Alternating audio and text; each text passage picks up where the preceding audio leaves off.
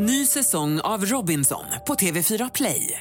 Hetta, storm, hunger. Det har hela tiden varit en kamp. Nu är det blod och tårar. Fan händer just nu. Det. är Detta är inte okej. Robinson 2024, nu fucking kör vi! Streama söndag på TV4 Play.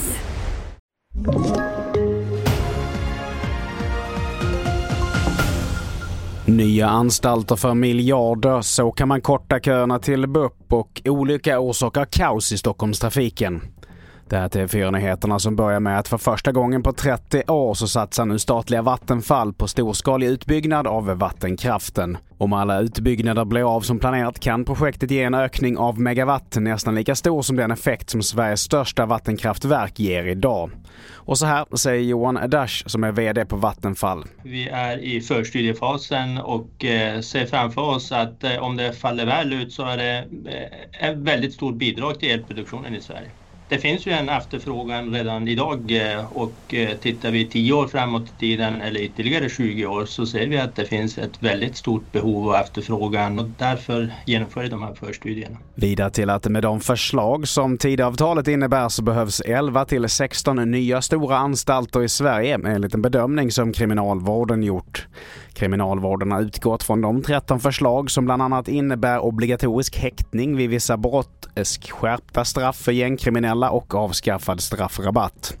Kostnaden tros landa på mellan 7 till 10 miljarder årligen. Och vi fortsätter med att samtidigt som köerna till barn och ungdomspsykiatrin växer så har två privata mottagningar i Region Stockholm lyckats få bort sina köer genom att låta barnen träffa både en läkare och psykolog redan vid första besöket. Och så här säger Göran Rydén som är verksamhetschef för BUP Stockholm. Kön uppstår i att man ser att det finns ett behov av neuropsykiatrisk utredning men man hinner inte komma igång med det i tid så att det blir en väntan där. Vi har ju ett uppdrag att ta hand om patienter med allvarlig psykiatrisk problematik och de kommer till snabbare och det gör att en del som kanske har lite mindre problematik får stå tillbaka. Till sist, en lastbil har vält över E4 i höjd med Järna söder om Stockholm och orsakar stort kaos. Olyckan påverkar trafiken i båda riktningarna och där har långa köer bildats nu under förmiddagen. Bärgningsarbetet väntas pågå fram till klockan tre enligt en prognos av Trafikverket. Fler nyheter hittar du på tv4.se. Jag heter Mattias Nordgren.